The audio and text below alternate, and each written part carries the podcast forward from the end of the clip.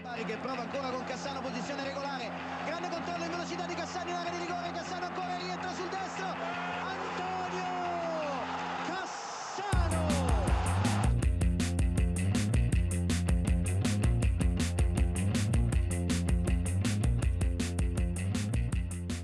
Hlustu góðir, verið velkomin í þáttinn Puntur og Basta ykkar helsta og eina umfjöldunum ítalska boltan þessa umfjölda fengum við enn flottari mörg og aldeilis dramatíkina og með mér að vanda eru þeir Björn Már Ólafsson Blæsaður, sælir. Og Átni Þór Randursson hérna með mér í höfustöðum ítalska boltans á stöðu sport.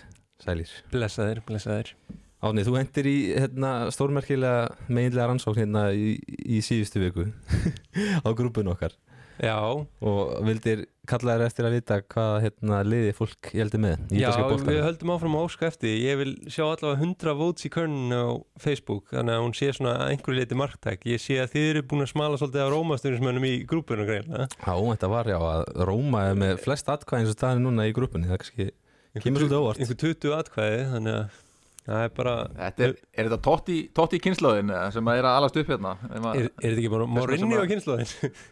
Ja, Þetta sé svona nýjir stundismenn Nei, ég veit það ekki, allir sé ekki tótti Það lítur að vera.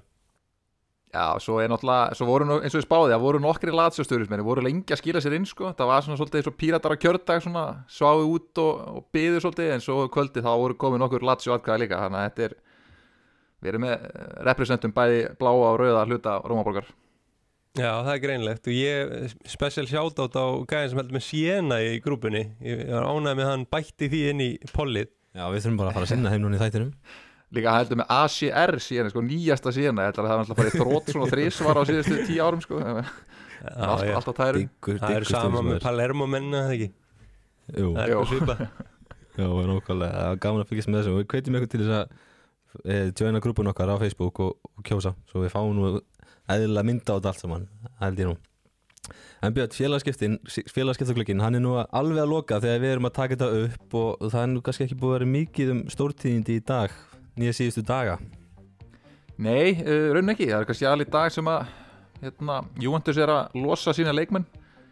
Uh, Svo ég hérna að Róma er orðað hérna eitthvað last minute deal við hérna uh, hvað er hann, Sagadú, varn- hérna miðvörðin frá Dortmund, ég veit ekki hvort að Dortmund er alltaf enda gluggan og að selja hérna tvo miðverði, ja, hljóma hann ekkit eins og sérstaklega gæfulegt hjá þeim en hérna, en það er ekki verið svo stóru dýrandi núna, legin eru svona aðalega að fylla upp í litlu eyðurnar litlu félagin að taka leikmenn á láni svona þegar stóru liðin eru búin að ljúka sér af Já, ég held sko að hann sé hérna laus á samningi, hann sagði þú. Ég held að hann sé ekki lengur leikmaður Dortmund. Það held ég að sé ástæðan okkur öll liðin eru eftir honum. Ok, þetta er enn eitt, enn eitt frí, hérna, frí transferið sem þeir ætla að taka þannig Já, þeir eru bara komnir í þann business núna. Búin að taka við að Juventus. já, En náttúrulega ekki var eitthvað svona sem að stakka auðvitað þér. Nei, það er nú bara svip og Björn Már segir að þetta eru þessi tveir leikmenni sem eru að fara út hjá Juventus eða þessi tveir sem eru í svona ákveðinu rullu hjá klubnum Zakaria og Artur Mm -hmm. uh, ég, ég held svona kannski að þeir átti ekkert endilega vona á að því að Artur væri að fara Nei, fyrir bara einhvern tímann í gerkvöldi eftir að Henderson meittist hjá þarna, Liverpool og, og þeir einhvern veginn að offlóta þessum báðum leikmönnum sem er svolítið sérstakt sko. ég held mögulega líka bara því að mér rétti stíð upp í síðustu leikjum og þeir hafa síðan er bara tilbúin í þetta já. Og Paredes er komin ekki? Já, er og er Paredes er-. Paredes er fengin, já Jú, það er ég eitt var eitthvað að reyna að fylla inn í eðuna ég sá að Klopp var eitthvað að tala um að hérna, hann hefði reynd að fá leikmann sem var farið núna í annar lið eða það ekki bara Paredes eða? Við við voru eitthvað Nei, ég við að halda að það veri eh, mögulega Fabian Ruiz. Já, Eð- Fabian Rós eða, þarna, já, ég held að hann sé svona kannski leikmaður sem hann hefði viljað fá. En svo tók AC Milan líka hérna, Serginho Dest uh, annafni Serginho en nánast annafni hérna, Serginho uh, sem að leika auðvitað með AC Milan um árabil. Uh, hann kemur hérna í hægri bakverðin sem bakkur fyrir Calabria og það er leikmaður sem þeir hafa ekki tekið bara eftir að hérna, Florenzi mittist, hann mittist í eitthvað illa þarna í, í, í síðasta leik þannig að hérna, þeir skelltu sér á, á, á destaran Já, hefðu viljað sjá ykkur fleiri díla kannski, eh, hérna, Björn, eitthvað svona sjátt hefðu sjá, viljað sjá eitthvað lið gera meira á markaðnum, komir eitthvað óvart að til dæmis Atalanta eða eða Inter, þó að staða þeirra sé trikki, þeir hafa ekki gert meira Já, kannski aðalega Inter þeir eru í þessum vandræðum sko en þeir náðu að halda skrínjar virðist vera og, hérna, og hafa, eru líka að klára Fra- Francesco Acerbi, það ekki, frá Lazio?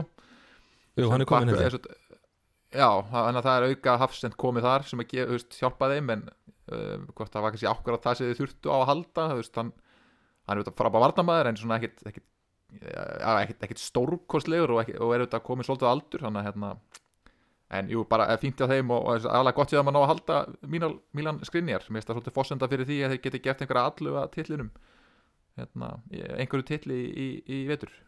Já, Já, ég held að þessi tvö lið kannski hafa sigrað svolítið markaðin bara á að halda sínum mönnum.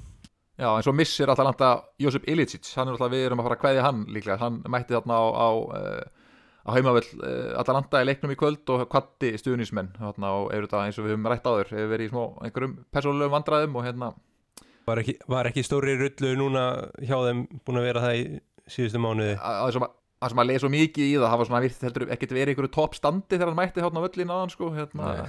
Nei, ég sá það það er ekki svona að vera að æfa fótbolta eitthvað eh, að síðustu mánuði, hérna, en við þetta bara það mikið eftir þessu eftirárum, bara líklegast bara topp 1 skemmtilegstu leikmaður hérna, deildarinn á að horfa þegar hann er í stuði Já, og kannski líka bara fínt fyrir Atalanta að loka þessum þá gafla einhvern veginn, þetta búið að vera svona yfirvóndi oft, Gasparini spurður út í þetta en hann aldrei einhvern veginn, Elisits veginn aldrei líklega að koma tilbaka, þannig að kannski bara gott fyrir báða aðila, Er hann þá bara hættur eða hvað? ég mér skilst það að sé eitthvað Já. orðan við Bologna Já, ok, en, en, áhugavert en ég veit ekki meir sko. En já, ég held að þetta séu kannski svona helstu Já. viðskipti dagsins. Já, ef við þá ekki bara fara yfir í, í leikina og umförina en á miðvikudaginn tóku við spesi á móti stórleginu Juventus í hennum skrúðu Cinco Terre búningum strákar, ég mælu með að fólk tjekkja á þeim. Ég er bálskotin í þessum búningum. Hvað fannst þér átni hérna, um, um þriða búningin á, á Spezia? Já, mér finnst hann svolítið skemmtilegur. Það er svona aðdætt í tísku að hafa rútusæta búninga efnin í, í nýjustu búningunum hjá, svona varabúningum hjá liðum. Eh, Þetta var bara er gaman að sjá litríka búninga sérstaklega það er svona einhvern veginn veröldum verður alltaf grári og grári með hverjum deginum sko. Já, það var bara gaman að sjá svona marga liti og, og þeir voru bara fínir í þessum leik. Já merkilega þetta gulu búningu getur verið fallegur sko. Já, Já, algjörlega. finnst eh, mér finnst það mjög flott. Þetta er svona eh, Venezia búningar þessa tímabili svolítið hérna, svona, Það verður auðvitað á, á svona hlutlausum stuðnismunum þá held ég að þetta verður vinsal treyja líka. Já, heldur betur. En það var svolítið sama uppskrift og, og í síðasta leik því Vlahovic hann hérna byrjaði leikin á að smyrja hann í skeitinu og aukaspunnu í upphæfi leiks. Og svo hérna bara tók við löngbið eftir næsta marki á Juventus sem kom ekki fyrir ná 90. annari mínútu þegar Pólverinn snýri á vörð spesia, hann hérna Milik, nýjumæðurinn og þar við satt sko, þetta er alltaf mark, markið hjá honum Vlahovic í, í búningi Juventus. Fjóruð markið þessu tímabili þetta var alveg ærið mark átni, þetta aukarspinnu mark Já, þetta var nú eiginlega bara endursýning á markinu gegn Róma. Það var eiginlega bara eða ekki, nákvæmlega sama einhvern stað.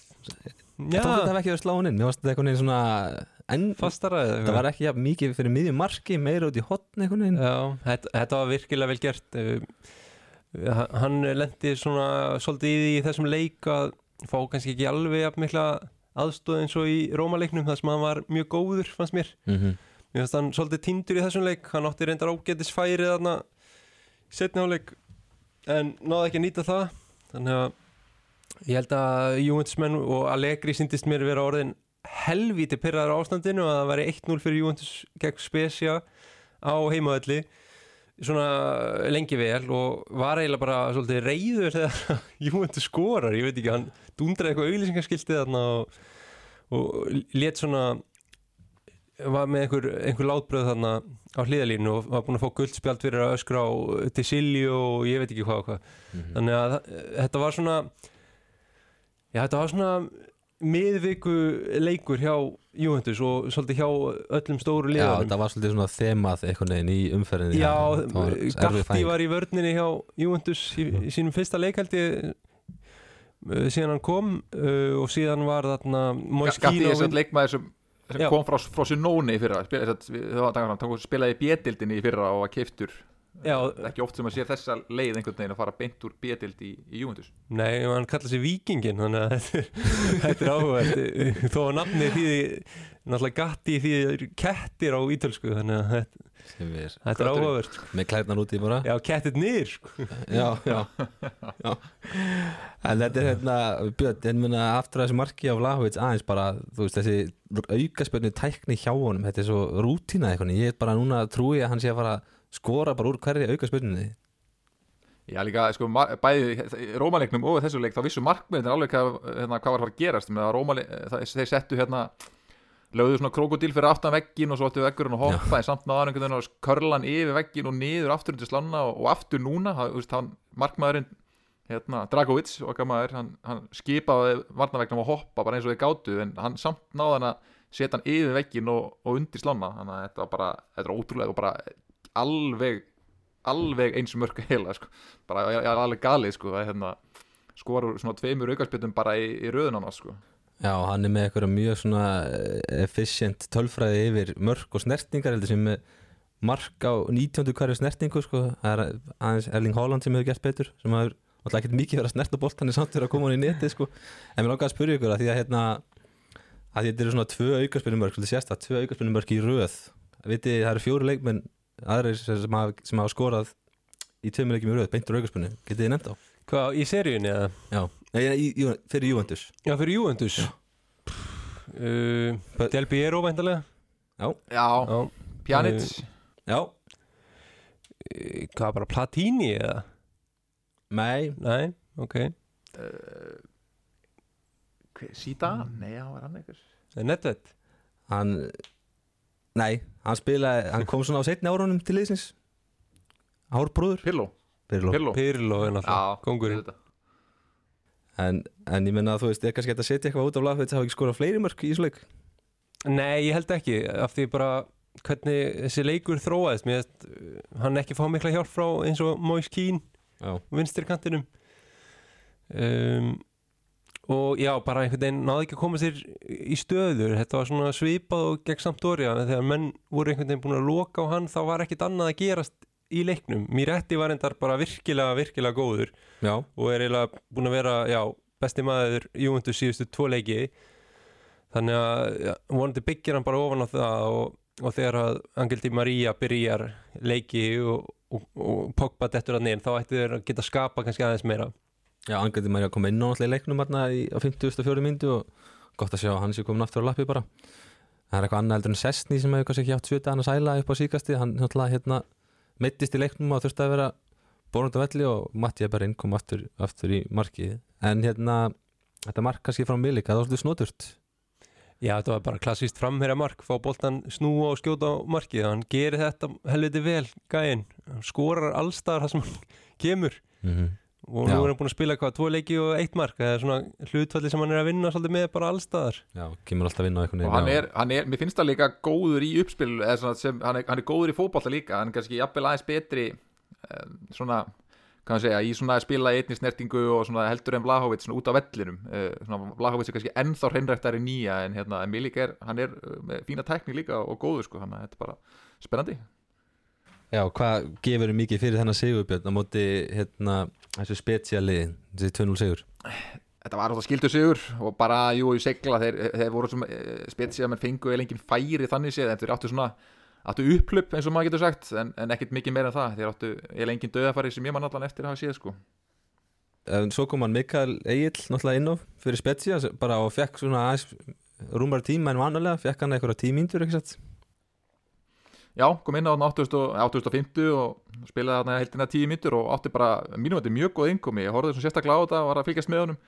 Bara allar sendingar og samherja allar snertingar er einhvern veginn réttar og, og hérna bara var að taka rétt hlaup og var, hefði geta fengið bara fínt færi þarna fyrirgjöfun hefði bara ratað á hann. Þannig að hérna, mér finnst það bara mjög góð innkomi hjá honum og, og alveg bara í takt við leikinn og var að vinna boltan og svona þannig að bara lofa góðu og hérna vorum að hann sé bara að fara að fjölga mínútonum sem hann fær að spila og bara vondi fyrir hann að fara að fá hérna, eitthvað, vondi fyrir hann að segja sjá eitthvað við hann hérna sem að lætur hann því að hann geti spilað meiri hlutverki á þessu spesiali En höldum þá fram og förum yfir í næsta leik og það má segja að, að ferill Pálo Dybala hjá Róma hafi raunverulega byrjað núna í vikunni þegar, þegar, þegar Róma tók á móti Monza á Olympico. Dybala skoraði e, tvö mörg og fyrir markið svona bara vel gert hjá Dybala einhvern veginn stingur af hérna varnamann og, og klárar fallega í, í netið Björn. Varstu hérna hrifin af þessari framistu hjá Dybala? Já, mér fannst uh, líka bara að maður var að sjá bit og tengja betur saman Tammy og, og Dybala þeir hafa verið að reyna þetta svolítið, þeir eru að, eru að spila svolítið mikið direkt fyrst mér á, á uh, Tammy og hérna verið svolítið einstryngingslegt fyrst mér í fyrstu leikjunum en þarna var þetta virkilega þess að bara virka vel og hérna á, Tammy skallar hann inn fyrir og hann tekur hérna bara einhvern 50 metra sprett með boltan og, og einhvern veginn bara hann svo snöggur með boltan og með varnamann í sig allan tíman einhvern veginn næra að klára þetta bara. Gríðalega vel gert og gott fyrir hann að vera komin á blað þarna fyrir framann framann sína stuðnismenn og, og svo, svo bætti hann auðvitað eh, öðru marki við og, og bara, já eh, allir, allir glaðir og, og hérna og einhvern veginn, vilja farin að matla loksins Róma fara að skora líka aðeins meir, fleiri mörg það hefur, hefur leiðið svolítið í loftinu en hérna það hefur vantað svolítið að, að klára færin. Já, en hvernig fannst þér framistæðan kannski helt yfir, ég meina þetta er svolítið eins og átti komið inn á kannski hjá Juventus að og munum kannski koma inn á þetta frekar eftir hjá öðru liðum að veist, þetta voru mótið svona lagari liðum en þetta var kannski ekki eitthvað brjálustlega samfærandi þótt að úslitin væri 3-0 Nei, bara ég held að bæði Róma Júvi eru búin að fá á sig eitt mark og það er úr förstu leikadriði. Um, Júventur styrir hotspillnuna og, og Róma uh, og Róma hann úr aukarspillunni hjá, Vlahovits þannig að bæði lið eru svona varnarlega mjög solid og eru þetta mest að horfi í það og verður síðan bara búin að framherja finni taktinn og og jú, þetta var bara þetta var mjög góð framist að hjá Róma, mjög samfærandi bara frá uppafi til enda og að samanskap þetta Monsali bara daburt sko með að við svona ágættis leikmannahóp þeir eru alveg eftir að stilla saman strengi sína fyrst mér og, og ég, þjálfarinn lifi nú enn, held að það sé ekki búið að reyka nefn þá en, en núlstig eftir fyrstu leikina Hvað gefur hún langan líftíma? Ég gef hann ekki langan líftíma sko, það þarf eitthvað það þarf eitthvað að breytast, ég man ekki alveg hvað leik, hvað leik þeir eiga næst en hérna þetta er svona þjálfari sem að svona öklaða eira, hann er hvort fer hann upp með lið eða, eða gerir geggiða hluti eða þá einhvern veginn fer allt í skrúuna, hann hefur líka verið eh, látið taka póka sinni eftir bara örfáðar umferðir áður ef við maður rétt, þannig að hérna, þessi, þessi pekki fyrir, fyrir um aðstofamæður Rafael Benítez hjá hérna, allan hjá Napoli, hvort það var hjá Real Madrid líka. En hérna já, bara, nei, þetta var ekki, ekki samfærandi á Monsa og ég komið svolítið óvart að hann skemmt ekki verið að látið og ég menna að þú veist, þótt að þetta sé nú kannski ekki stórtlega á pappir, þá finnst mér einhvern veginn þú veist, ég var til að sjá svona kannski eitthvað aðeins meira nafnana og það því að það, er eitthvað svona áhuga á liðinu og svo er þessi, þú veist hann stóð einhvern veginn á hliðalínu allan leikin í svona vel gleiðfóttur einhvern veginn og, vissi ekkert sko í hvert fóttinu nátt að stíga þarna og, og gæti einhvern veginn ekkert, ekkert gert en, en var alveg vel pyrrar á, á, hliðalínu en hérna, mér langar að spyrja líka bara að lókum kannski hérna, Björn, um, út í hann Belotti sem kom inn á hérna á síðustu tímítunar og, og hefði bara heldur betur átt að skora, fekk alveg kjörið færið til þess að skora.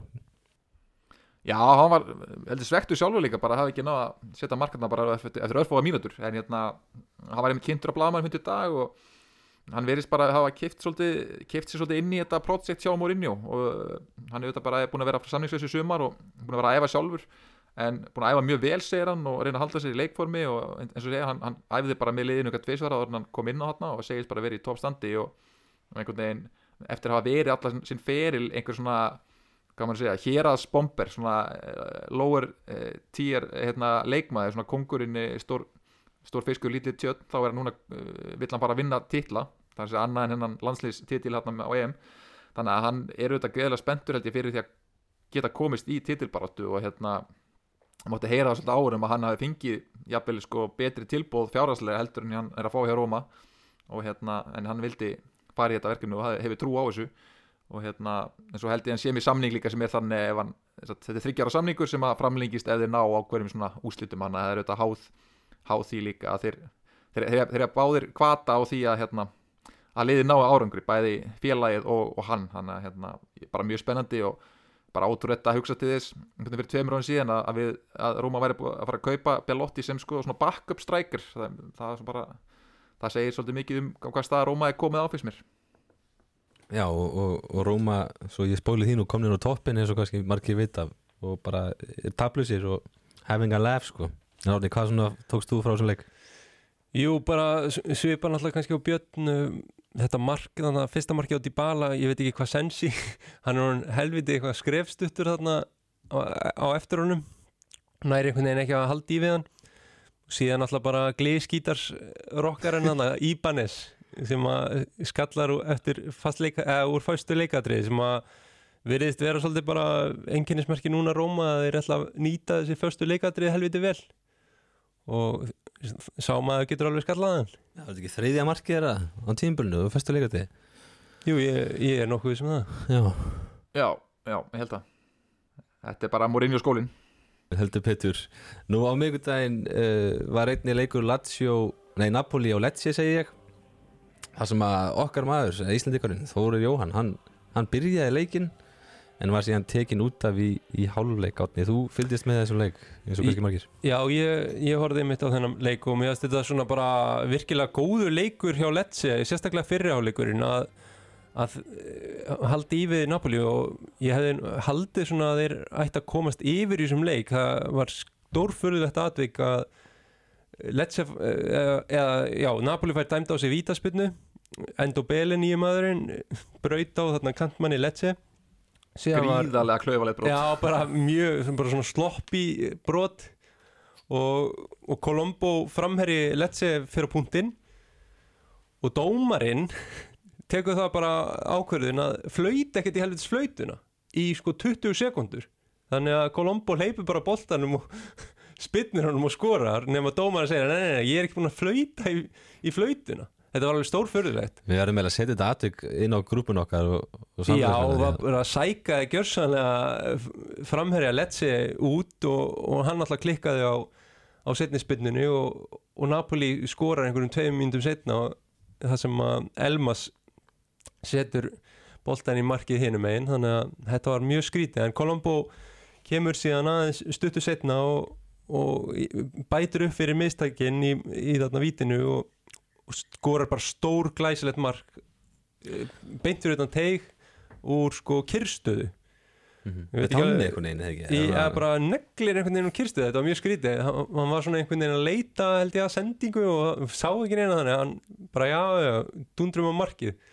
Og mér er náða ekkert að verja þannig að ég veit ekki já, Sveifla, þetta var svona reyðin kannski að hafa klúðra vítun eða eitthvað, hann bara einhvern veginn dangla löppin í hana og bara mitt algjöru kilstuð, kilstuð, ég skil ekki hvernig hann hitta svona vel sko og alveg flaug upp í, upp í hotni sko, bara glæsilegt þetta, þetta og- var alveg uh, bara, krafturinn í þessu var líka helviti góður. En ég hef einhvern veginn líka rosalega gaman að uh, þjálfara teimi Letsi, mér finnst einhvern veginn holningin á þe- þeim gæjum bara að vera geggjuð sko. þeir eru einhvern veginn í, í einhvern bara stutt ermabólum er eins og þeir hafi keifta bara í H&M og henda einhverju Letsi merki aftan á þá það er svona sem er auðvitað sem, þið- er gerðu? Já, alveg på þetta sko og, en eh, það er ekki svona mikið svag yfir þeim eins og svona flestum ítölskum þjálfarateimum Mér veist gaman að sjá þá fagna þessu marki vel og einilega Það er líka gaman að sjá hvað eru með marga eins og er þetta í Ítalíu, marga einhverja gæja á línunni sem er eitthvað svona óljósu hlutverki. Það var ekki gæjan sem fikk raukt spjald þe- þegar hérna,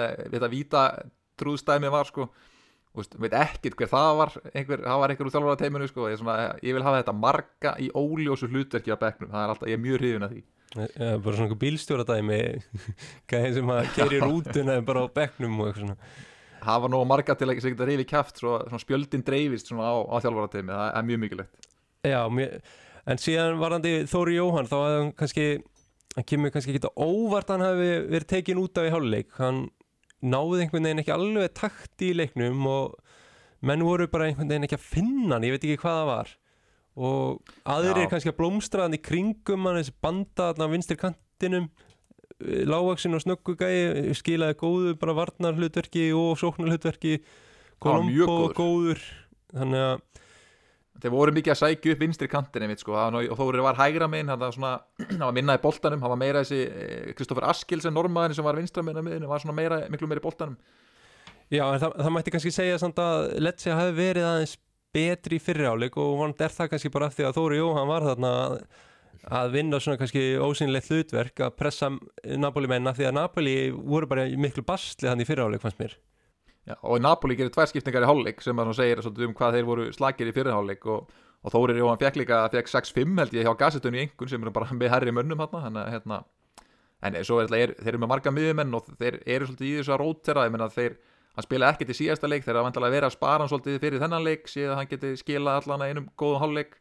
Þannig að sé líka svolítið bara að vera svona periodisera leikmenn sko, að geta vera með svolítið breytt og geta látið leikmenn keira sig út kannski einn hálfleik og svo skipta. En svo, svo var leikurinn auðvitað allt öðru sér setna þá Napoli með lágu á þeim gjössanlega og bara hetjuleg framist að hérna í vörninni hjá, hjá Letsi sem, sem að skila þeim þessu stíi Já, um Titi, við hefum ekkert fengið að sjá hann. Vitið eitthvað ástæðina baku það?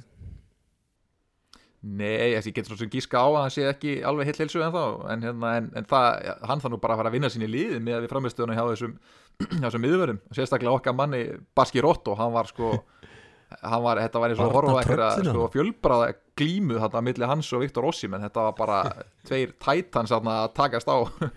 Bara í öllum innvíðum einhvern veginn, það var mjög skemmtilegt að horfa svona dúlið þeirra á milli. Ég hef nú ekki haldið að þessi gæi væri ennþá á nýstartinu eftir að glúra þessu fyrstu tvei mínútum hann á móti eindir sko. Og einhvern veginn strax byrjaði að, að rífast á móti sko. Þetta verður kvöld hetið hana Já, 100%, 100% En hérna, svona, bara til að loka þessum leik þá bara svona varandi Napoli lið við vorum búin að mæra þá og komnir, við vorum komnir hérna helviti hátt upp varandi þá og, og byrjaði að henda hérna Donna stimplinum á kvara og eitthvað svona hérna þeir hafa, þeim hefur verið kipt nýra á jörna í síðustu töfum leikjum það verður að segja Já, svo, þeir, þeir rótiruðu líka svolítið sko, þeir setja hann inn á og, hérna, og Raspadori byrjaði fyrsta sinn og svona, já, þetta var líka svolítið rótiring sko, og hann ætlaði ekki að nýta þennan leik er hann að spila þá í gang, en það bara gekk síðan ekkert og hann þurfti að gera breyt, tvær breytingar hann í háluleik og þannig að, já, ég, þetta var svona típisk barnahýði fyrir Letsi og, og svona eins og einn Napoli stundismæður sagði við mig eftir leikin að þetta hafi verið svona gamla góða Napoli, bara unnið alla leikina og svo ekkert neginn já, renna á þessu bananahýði þannig að, já, kannski eins og við varum að búast. Og svo var Inter Cremonesi þar sem Inter vann 3-1 og þar sem Barella skoraði aldrei markið fyrsta mark Inter og átti gjörsamlega frábæran leik á miðjunni. En kannski sigurinn þóttu þetta hefði verið Cremonesi á heimavelli þá var hann ekkert sérstaklega gefin og úslitin kannski tala ekkert endilega sínu rétt að mála því að Inder voru ekkert þeir leika ekkert á eldi þáttu verið að skora þrjumörk Átni Nei, púntar eru bara þrý púntar og það telur í bókan Já, Þannig að ég held að þeir hafi bara verið sáttir. Þetta er náttúrulega langbara lands slagur uh, Cremonesi er náttúrulega ekki langt frá Mílan Þannig að þeir hafa verið peppaðir að örglu með svolítið tölvert af stuðnismönnum með sér þarna. En Barella markið er náttúrulega bara stendur svolítið upp úr í þessum leik. Gjörsanlega frábært mark. Tekur hún á lofti einhver svona sítan spinnu og síðan er hann með assist setna í leiknum þannig að hann er alveg klárlega maður leiksins og bara sína enn og aftur hversu góð miðjumæður þetta er. Já. Mjög mikilvægt segur fyrir Inter líka eftir tapið í síðasta leik og hafa farið hitt undir Inzaghi og og hann er auðvitað verið sáttur við að sjá hvernig leikmennir bregðast við. Þú veist, ef, ef, ef þeir eru ekki, ekki brúðist við það er kannski verið svona til marksum að þeir væri ekkert sátti með þjálfvaran og væri kannski til að fara en þú veist, þeir, þeir greinlega eru mættir eh, til að berjast fyrir þjálfvaran og, og bara mikilvægi sigur. Þrjú eitt, kannski ekki, ekkert alveg einsanfærandi og, og törðun að segja tilum en, en bara, já, mikilvægi sigur og, og mikilvægt að fá smá sjálfstrist áður þeir fara síðan inn í Mílan og slæginu um helgina sem eru þetta stóri leikur helgarinnar eins og við komum inn á eftir. Já, og þar er Lukaku ekki með, Átni? Nei, hann er ekki með. Correira verður líklega fram með, með Martínez þannig að það er heldur skellur að hafa hann ekki í þessum svona skemmtilega slag. Uh, en, en já, ég held að þetta hafi verið svolítið svona bragu bara allra þessar stóru liða í vikunni að, að þeir hafi verið farið svolítið varkárt inn í þessa leiki um, í miðri viku og einhvern veginn reynda að rótera svolítið liðinu, það eru stóri leikir um helgina, það er Fiorentina, Juventus það er AC Milan, Inter, Lazio Napoli, það er, það er aldrei slæðinir, þannig að, að þetta er bara skildu segur hjá þeim og eins og við töluðum um að Inzaghi hefði verið reygin ef hann hefði tapað þessu þannig að hún er með létt allavega. Já, klálega Þetta voru helstu leikir í vikunar en fá nú að heyra hvað gerist í öðrum leikum það var allskynns dramatík þar.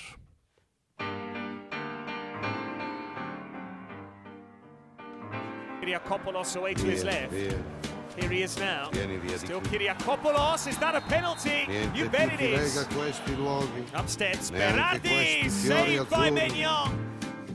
Via, via. Neanche questo Goes tempo Pieno di musica e di uomini che ti sono piaciuti. It's wonderful, it's wonderful, it's wonderful. Good luck, my baby. It's wonderful, it's wonderful, it's wonderful. I dream of you. Chips, chips. And there is Do, do, do, do, Bologna three minutes away from their first win of the season. But Salernitana a level. Via, via. Up steps Vieni via con Gomez, me. Entra in questo amore buio. 3-1 Atalanta in the perderti per 84th niente al mondo.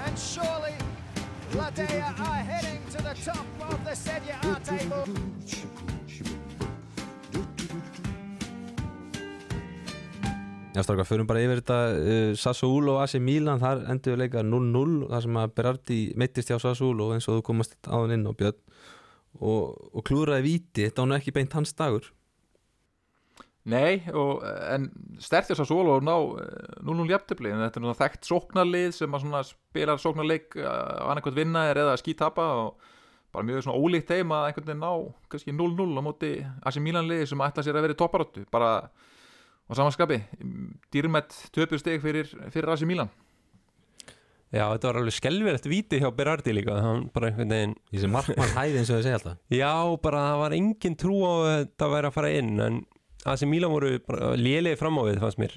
Leá byrjaði leikin bara að krafti. Eftir svona tíu mínútu þá fóru að draga á honum og, og gerðist ekki neitt hjá honum. Giroud var ekki á sínum degi þannig að já, ég held að Sassuolo sé sáttara með þetta stig heldur en Asi Mílan Já, AC Milan svona eins og önnu leið spilu svona kannski aðeins og rótirara liði.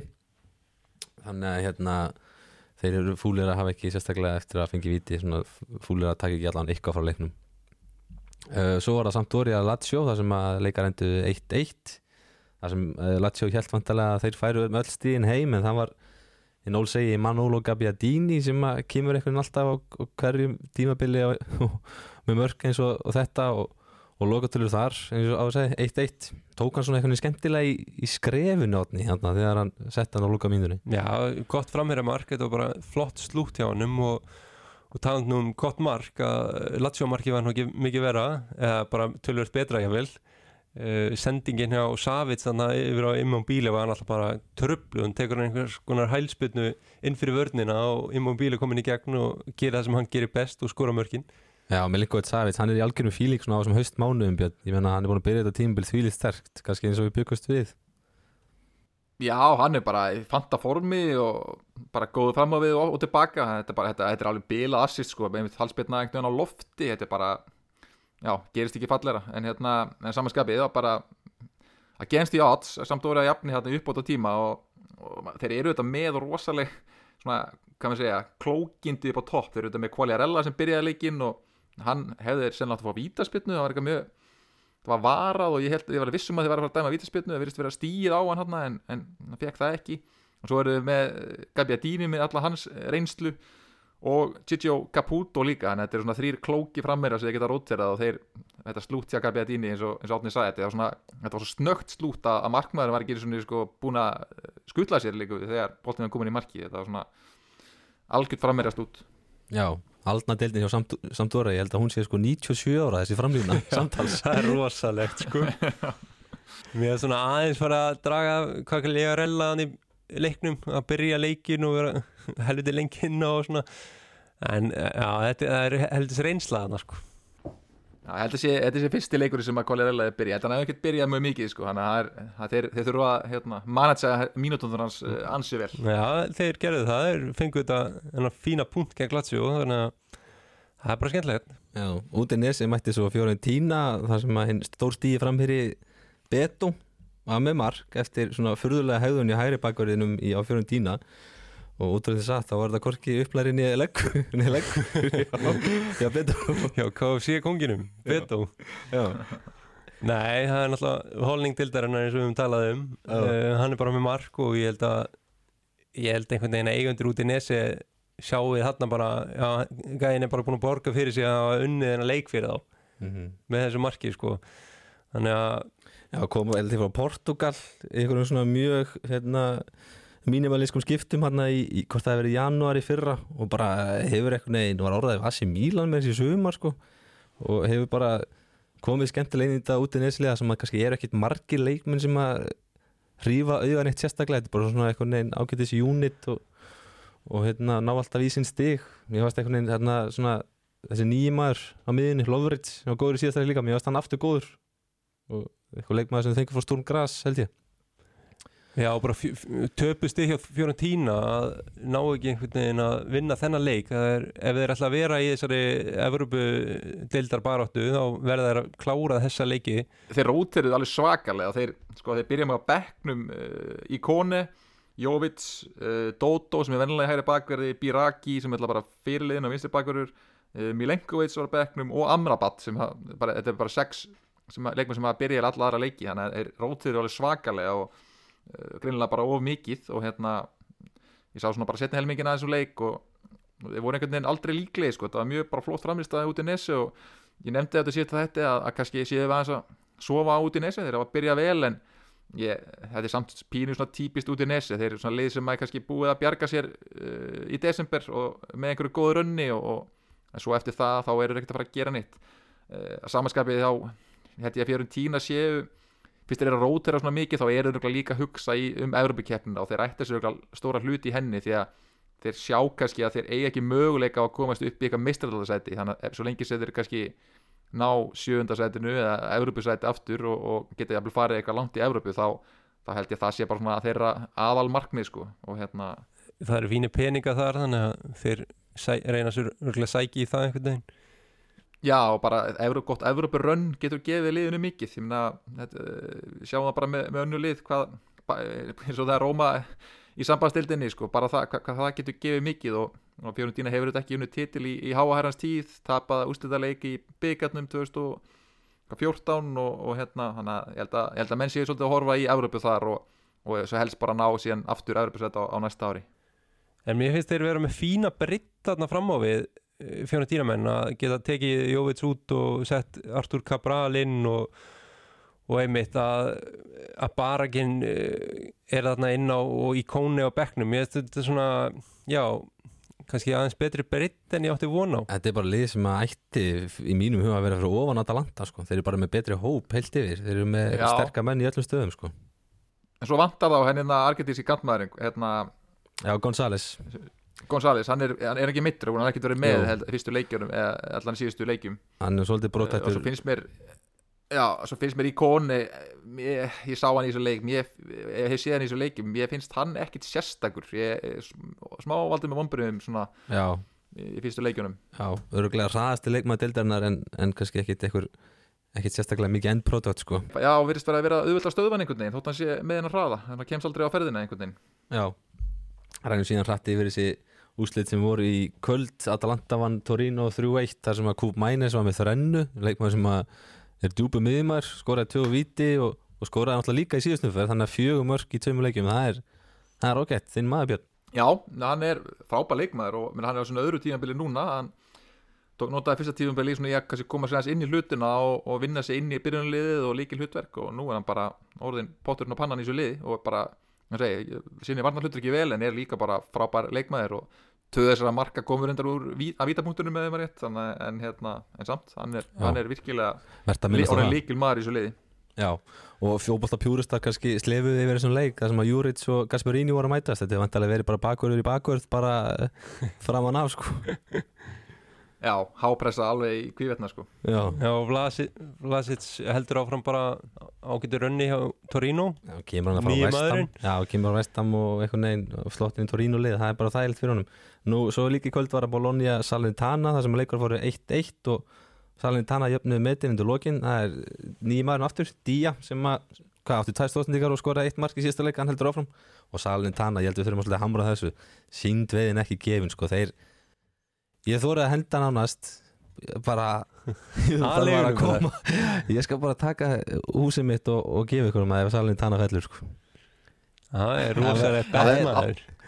á þessum tíma í fyrra voru flestir að segja það sama með að þeir myndu falla þannig að við, hérna, það getur allt gerst en, en nei, nei, leikbúrhópur þeirra er mjög góður og einhvern veginn bara upp úr þurru allt í hennu konum með fínt lið. Þeir keftu Giulio Maggiore frá Spezia sem er leikmaður sem var orðaði við Róma og fleiri stórlið sko, er úlingalandsleismaður á Ítalíu og spilaði hérna á Íslandi meðal annars í fyrra og bara frábær miðumæður og hann einhvern veginn kiftu til Salani tala mér finnst það mjög undarlegt uh, og maður myndir svona valla kalla að skrifa upp á við ég, vil bara á við sko þannig að þeir ætta sér greinlega hluti og bara eru með hörku lið og sérstaklega fram á við. Þeir voru einmitt að fá held ég einn bara í dag. Piatek var að koma frá Hertu Berlín þannig að það er líka bara reysa sæn fyrir þá maður sem hefur kann að skora mörkin á Ítalíu. Að góðkunningi deildarinnar heldur betur. Já, og það, síðasta í þessar yfirferð okkar var, er síðan Empoli við Róna það sem maður kannski líti hægt að segja um þann leik. Það var uh, maður sem að leikmaður sem við Róna fekk frá Genoa á dögunum Kalon sem skoraði á jafnaði metin fyrir uh, við Róna en það var hinn ungi Baldansi sem að kom Empoli yfir. Hann var sprækur spjörn í þessum leik. Já, skoraði glæsitt mark hérna bara langskoti og hérna var maður leiksins á gassetunni með 7-5 í engun sem er alveg bara með því, með því harra sem við færð. Þannig að ja, bara virkilega góður og fætti 2003 eða 4, 3 held ég og spilaði með júlingarliðinu með, með Lukasi Loga heiminsinni í fyrra. Ég var að spila þá í, í tíunni júlingarliðinu og hérna bara er, hefur fengið sensin núna hjá Empoli sem að hefur verið frekar rólegir á markanum hafa verið að selja sínu bestu menn og einhvern veginn ekkert verið að styrkja sér mikið. En það er þá kannski að því að þeir bara eru þeir eru auðvitað, eru auðvitað með hérna bestu úlinga akademi á Ítalíu þannig að þeir hafa þá vita að það sé einhverjir einhverjir gullmólar hérna á leiðinu upp. Þannig að þetta er bara flott hjá þeim að fá lóksins stig líka. Þeir hafa verið í smá basli upp á því tíðanbels og bara taka, taka stíð Ég mælu með því að fólk sem er að kynna steildinni að kynna sér hvað hvað, sem margir góðu leikmenn í deildinni hafa verið og spila fyrir Empoli sko. þetta er ótrúlegt, það er endalust af leikmenni sem kemur að hann og svona leikmenn einhvern veginn læra svona sitt treyt þannig sko. Algjörlega En voru einhverjir Björn Defnir, hérna, Baldansi átni, voru einhverjir sem heitluðu þig sérstaklega í, í umförinni? mm, eiginlega bara mér rétti heldur áfram að heilla mig finnst mér búin að vera frábær og eh, banda vinstri kantmaður Letsi fannst mér líka virkilega góður. Þannig að það eru kannski þeir tveir sem að heitluðu mig mest. Já, já, samála, ég held að og þessi bandaði mitt, hann var, ég held að eh, sá að stuðnis með Letsi eru bara strax orðin hrettir við það að hann veri seldur í janúar sko, hann, var, hann er búin að vera það sprækur einhvern veginn. Og svo núna strax um helgina strákar þá heldur boltin áfram og það er aldeilis lögutarinn sem við fáum þá. Það er uh, Madonina slagurinn AC Milan Inter Fiorentina Juventus og Napoli Lazio eða Lazio Napoli. Hodni, þetta er þetta er nú aðeins stærri leikir heldur en svona sem voru í miðri viku. Já, þetta eru allt bara risa slægir Fiorentina og Juventus er líklega stærsti leikur Fiorentina á tímbilinu svona vanlega, heima leikur gegn Juventus erki fjendunum sem að bara það er virkilega mikið hatur á milli Já, og Eh, margir leikminn hafa verið að fara þátt, samt, samt sem áður á millið þarna sko þannig að það verður svona áhugavert líka. Eh, Já, Vlahovic náttúrulega síðast. síðast og hvað Bernadeschi þar áður og það er nokkur Kiesa náttúrulega. Uh, Roberta Baggio á sínum tíma, það var nú bara uppþótt og uh, hérna bara árás á, á félagsheimili Fiorentína þegar hann var seldur til Juventus og, og alltaf þegar leikmenn mæta frá Juventus til Fiorentína þá er, hérna, þá er haldin einhver svona sérstökur aðtöfn þar sem menn eru svona einhvers konar hreinsaðir af Juventus stimplinum hérna Já, þeir kalla svona The Hunchbacks Juventus kalla, segja þeir séu svona, svona hóknir Hunchbacks og hérna þegar þú mætir frá Juventus til Fiorentina þá þarf að setja rétta úr leikmanninum er sagt, þannig að það er svona haldin einhver aðtöfn hann að voða, formlegt og hérna, já, mikið hatur hann að milli og ég held að Fiorentina menn þeir munu fjölmenn að það hefur verið tróð fullur Artemi og Franki hérna á, á lögadaginn. Já, ég held að Vlahovic fá ekki góða móttökur það er bara, það er eiginlega 100% Nei, alls ekki. Og sjá, ég veit ekki hvort það muni fagna eins og ekki Roberto Baggio á sínum tíma, hann snýr aftur til Fiorentina eh, með Juventus og var tekin út af og það er einhver sem hendi til hans Fiorentina trefli sem hann tóku upp og sett á sig. Og það hérna, þá eru þeirlega bara báðist þurfum með beggja liða brjála þér. Þannig að eh, eh, þetta er spurning hvort að Lahovits fari eitthvað þannig pakka. En síðan er náttúrulega, já, þessi AC Milan undir slagur, það verður náttúrulega rosalegt, þessi lið náttúrulega börðust fram á síðasta leik í fyrra um titilinn, það sem AC Milan uh, vann aðlokum um, já, leiðilegt að Lukaku sé ekki með en, en þetta verður svaðalegu slagur það er bara þannig Já, og svo til þess að loka deginum eins og sagði, var það Lazio Napoli, hver heldur að vinnið hann leik strókar? Svona, veginn Já, hver er, ef við komum bara með úslitina á lögudaginn, hvernig sjáu þetta gerast? Ég held að Juventus vinni mögulega 1-0 Fiorentina. Ég ætla að spá því að AC Milan Inter fari 2-2 og að Lazio vinni 2-1 sigur á Napoli. Já, ég held að ég held að AC Milan Inter fari AC Milan vinni, er bara vandi Lukaku, það bara veikir held ég í- Interlið þróttu mikið. Eh, þannig að það fari 2 til AC Milan svo held ég að uh, Fiorentina Juventus fari 1-1 og svo held ég að hérna hinleikurinn Napoli, uh, Lazio Napoli er oftast mjög skemmtilega leikir, oft marka leikir þannig ég held að það fari 3-2 fyrir uh, Napoli. Áhugavert, Lazio eru helvít öflugur á heimavelli svona upp á síðkastið þannig að þetta verður þetta verður Þetta er ekkert aldrei sí- sveisla Já, þetta er ekkert síðri leikur heldur en hinnir tveir sko. Er bara Ég held að geta orðið svona skemmtilegasti fótboltaleikurinn Já, Þannig að, líklega. eh, Besti fótboltin spilaður í þeim leik ef ég ætta- ef ég ætti að gíska Sarri að mæta sínum, auðvitað, sínum gamla lið og svona. Ég hef ekkert betra að gera en að horfa á þrjá leiki í ítalsku boltanum á lögundaginn, ég get sæst að það. En hérna, svona bara rétt undir lokin að því að það voru engir ítalir það voru engir íslendingar að spila í Serie B þessa vikuna en ég voru leikir í, í kvennaboltanum, þá langaði mig bara svona einhvern veginn í tilum þess að glukkin var að loka. Svona byggja ykkur um kannski svona topp tíu lista yfir félagskiptin sem að, sem að Já, ykkur fannst svona mest impressiv ef ekki bara taka svona annað hvert leikmann að, að ég nefni þannig tíunda og, og Björn þannig níunda þá. Jú, þetta er ykkur saman sem að listið ekki? Jú, Já. nema toppsætin 1 og 2 Við verðum það. erum Þá ósammála er þetta samverða hjá okkur. Já, já, við skulum gera það þannig. Uh, Í tíunda sæti er eh, Simone uh, framherri Napoli var í Hellas Verona í vetur já, já, í síðasta vetur uh, kemur inn í þetta Napoli lið og bara eigur breyttina uh, gæði sem skoraði hvað var með yfir 20 mörg á síðastímbili já, með 17 mörki Ja, deildin, já, sau- 17 mörg í deild og eitthvað, eitthvað í byggar og skoraði þrennur bara- af minnir. virkilega góðu leikmaður og gæði sem er með gott marka nef. Já, Björn, næstu á lista. Já, nýjundasæti, það er hérna Raspadori Þetta bara eftirsóttur af öllum, öllum liðunum og bara að Napoli hafi náða hafi nappa á honum, það er bara mjög spennandi og þetta er, eh, þetta er bara hvað, 21 ás ennþá kornungur og og ég bara, ég ég held að hann muni gera stór hluti í framtíðinni, það er bara spurning hvort að ná þessu strik strax á fyrsta tímabili. Já, og kannski mörgum fannst óvænt að hann væri að fara frá Sassuolo. Uh, Átni uh, í áttunda sæti er annar Napoli maður uh, Kvarta Skjelja eða Kvaradonna eins og við höfum kallað hann svona upp á við tímbils Hann er búin að missa stimpilinn. Hann er svona að missa Hann er orðin einhver keli að kalla það Já, hann er að missa hann sko en, en hann byrjaði einmitt vel þess að fyrstu tvo leiki og hann var kannski ekki alveg náða að fylgja því á eftir Nei, en, en hann spilaði kom með þrjú mörg og kostaði ekki mikla peninga frá hvað Georgíu um, þannig að ég ætla við setjum hann í áttundasæti Já, hefur sínt okkur að hann getur skorað mörg, mörg í regnbóðslítum Það er klart mál. Já, sjöndasæti, þar eru við með Paul Pogba. Uh, og þá er ég eiginlega að reikna með Paul Pogba sem sagt, uh, eins og hann var hjá Juventus áður en hann fór til Manchester United. Þetta er búið að vera basla á honum undanfarið eins og, eins og við höfum heyrt í fjölmjölum með þessa, þessa hérna, fólk sem er hérna blackmailan og bróður hans í einhverju basli og svona og það er auðvitað eitthvað sem hefur ángraðan líka síðustu ár hjá Manchester United. Það er auglust að það hefur eitthvað, eitthvað ekki verið í lægi en hérna við vonum að hann ná sér að strik og, og ef, ef hann finnur gamla Juventus formið þá er þetta bara kannski bestið miðjumæður til þarinnar Já, frábær gluggi hjá Juventus. Hver, hver er næstu á lista? Þegar við erum með svolítið svona nokkuð óvænt eh, í sjötta sætinu um Titi fyrir um heimsmeistaran og varnamann sem að er komin til Lecce frá Barcelona. uh, ég held að þetta bara þetta er svona gæi sem að gæti bara haldið Lecce uppi og sitt eindæmi, einstæmi uh, þannig að ég uh, já, viljum setja hann í sjötta sæti. Já, þurfum að koma að staði hvað er að ángraðan um títi okkar. Og hann fara að fara að koma sér á völdi hann er bara að byggja sig upp held ég eftir hennan uh, tíma hann á Barcelona sko. Já, hann að ná sér eftir móttökunar já, hann er þá hlæður já. Og hver er næstur?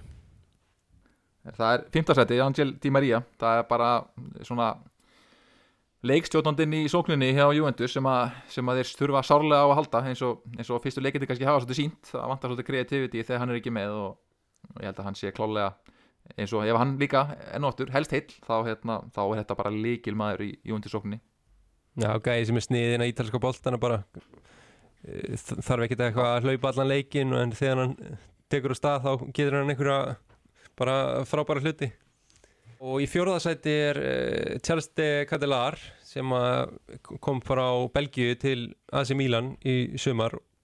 Hann var alveg keiftur á slatta pening af því að menn hafa mikla trú á honum. Þeir eru búin að fylgjast með honum í einhver ár og hann einhvern veginn smelt passar í kerfi AC Milan og er eina af vonastjörnum ítalska boltan bara næstu ára. Þá eru komnir í, í topp þrjúlistan Hverjir eru þarna efstir, efstir á lista, Björn? Herru, þriðarsæti, ég er með eh, Lukaku. Og hérna hann gæt, hefði mögulega getað verið ofar ef hann, ef hann hefði kannski sínt meira fyrstu leikjunum það er kannski aðeins litað af því en bara, e, þeir unnu titilinn síðast að hann var hjá Inter og svo fóru þeir og þá unnuður ekki titilinn og þeir séu bara að horfa í það að hann sé líkillinn sem að, að, að sóknarleiknum sem að, sem að þarf. Og ég meina ef að hann verður í toppstandi þá, þá verða þær í toppáratu og jafnvel vinna en ef að hann verður lélugur þá, þá eiga þær ekki möguleika, það er bara svo einfalt Já og það verður náttúrulega bæta inn þessi frábæri viðskipti indir við þarna, Chelsea á Lukaku. Að fá hann á láni eftir að hafa selt hann á einhverja 100 miljón eurur þarna hálfu ári fyrr eða einu ári fyrr eða eitthvað. Þannig að ég held að ég, hann eigi bara þriðasætti vel skilið. Þetta, þetta er eins og Þetta er eins og þegar Real Madrid eh, selur æfingarsvæði sitt og á, á einhverja 100 miljonur og leigi að kaupa þetta tilbaka á, á eina öðru, þetta er svolítið þannig viðskipti sko. Já, þetta er bara- rosaleg rosaleg. bara snild. Já, gæti allt eins verið í fyrsta sætinu kannski í lok tímabils eða svona þegar við horfum tilbaka eftir þetta tímabil náttúrulega bara komum náttúrulega eins og stórnsveipinu í deildina síðast. En í öðru sæti þar eru við að tala um? Í öðru sæti, það, það er umdelt Ég er með Paulo Dybala í öðru sæti. Og Björn, þú ert með Ég er með Bremer í öðru seti þannig að ég, við- ég skila sér að hvað hérna í, í öðru og fyrsta seti Já, þannig að það er það er split decision Já, þarna og þa þarna þarf held ég bara fólk að eh, vega og meta eftir tímubili hver hefur staðið sér betur. Ok, Um, einhver rök hérna sem við viljum henda fram með það? Rökin sem ég er með kannski að Dybala sé í öðru og Bremes í fyrsta er að, að Breme var líklega besti leikmaður ítalsku deildarinnar í fyrra. Mm, hann var orðað við Inter allt, eh, í allt sumar og endaði síðan í Juventus sem að losuðu sig við náttúrulega delikt. Þannig að hann er að bara stíga stíga inn í þetta kerfi á Juventus og búin að spila gjörsanlega frábærlega í fyrstu leikjunum.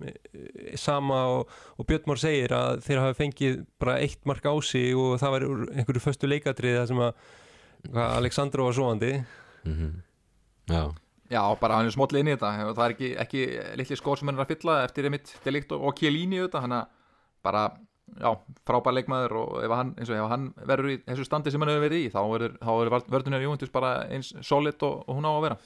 Þannig fyrsta sæti hjá þér Bremer og fyrsta sæti hjá þér Björn, það er Dybala.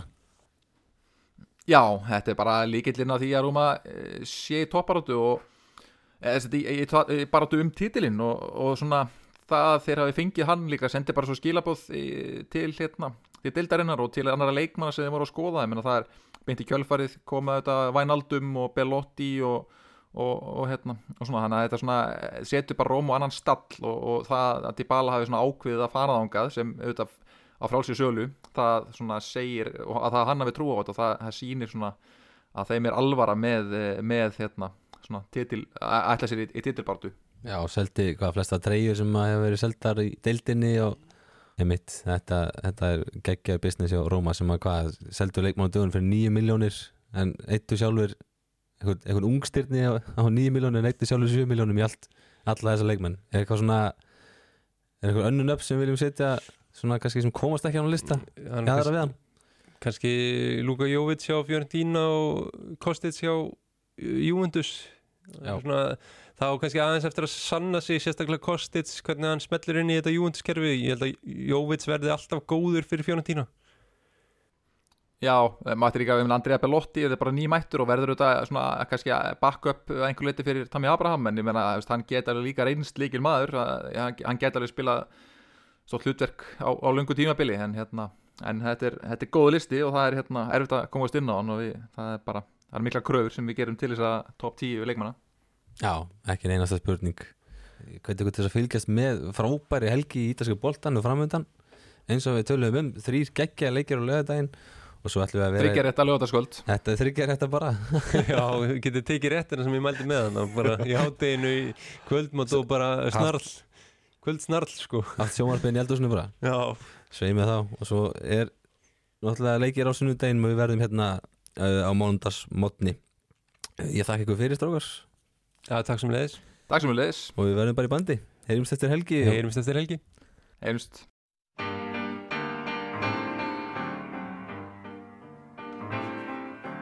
Vieni, vieni, vieni via di qui. Niente più ti lega questi luoghi, neanche questi fiori azzurri. Via, via, neanche questo tempo grigio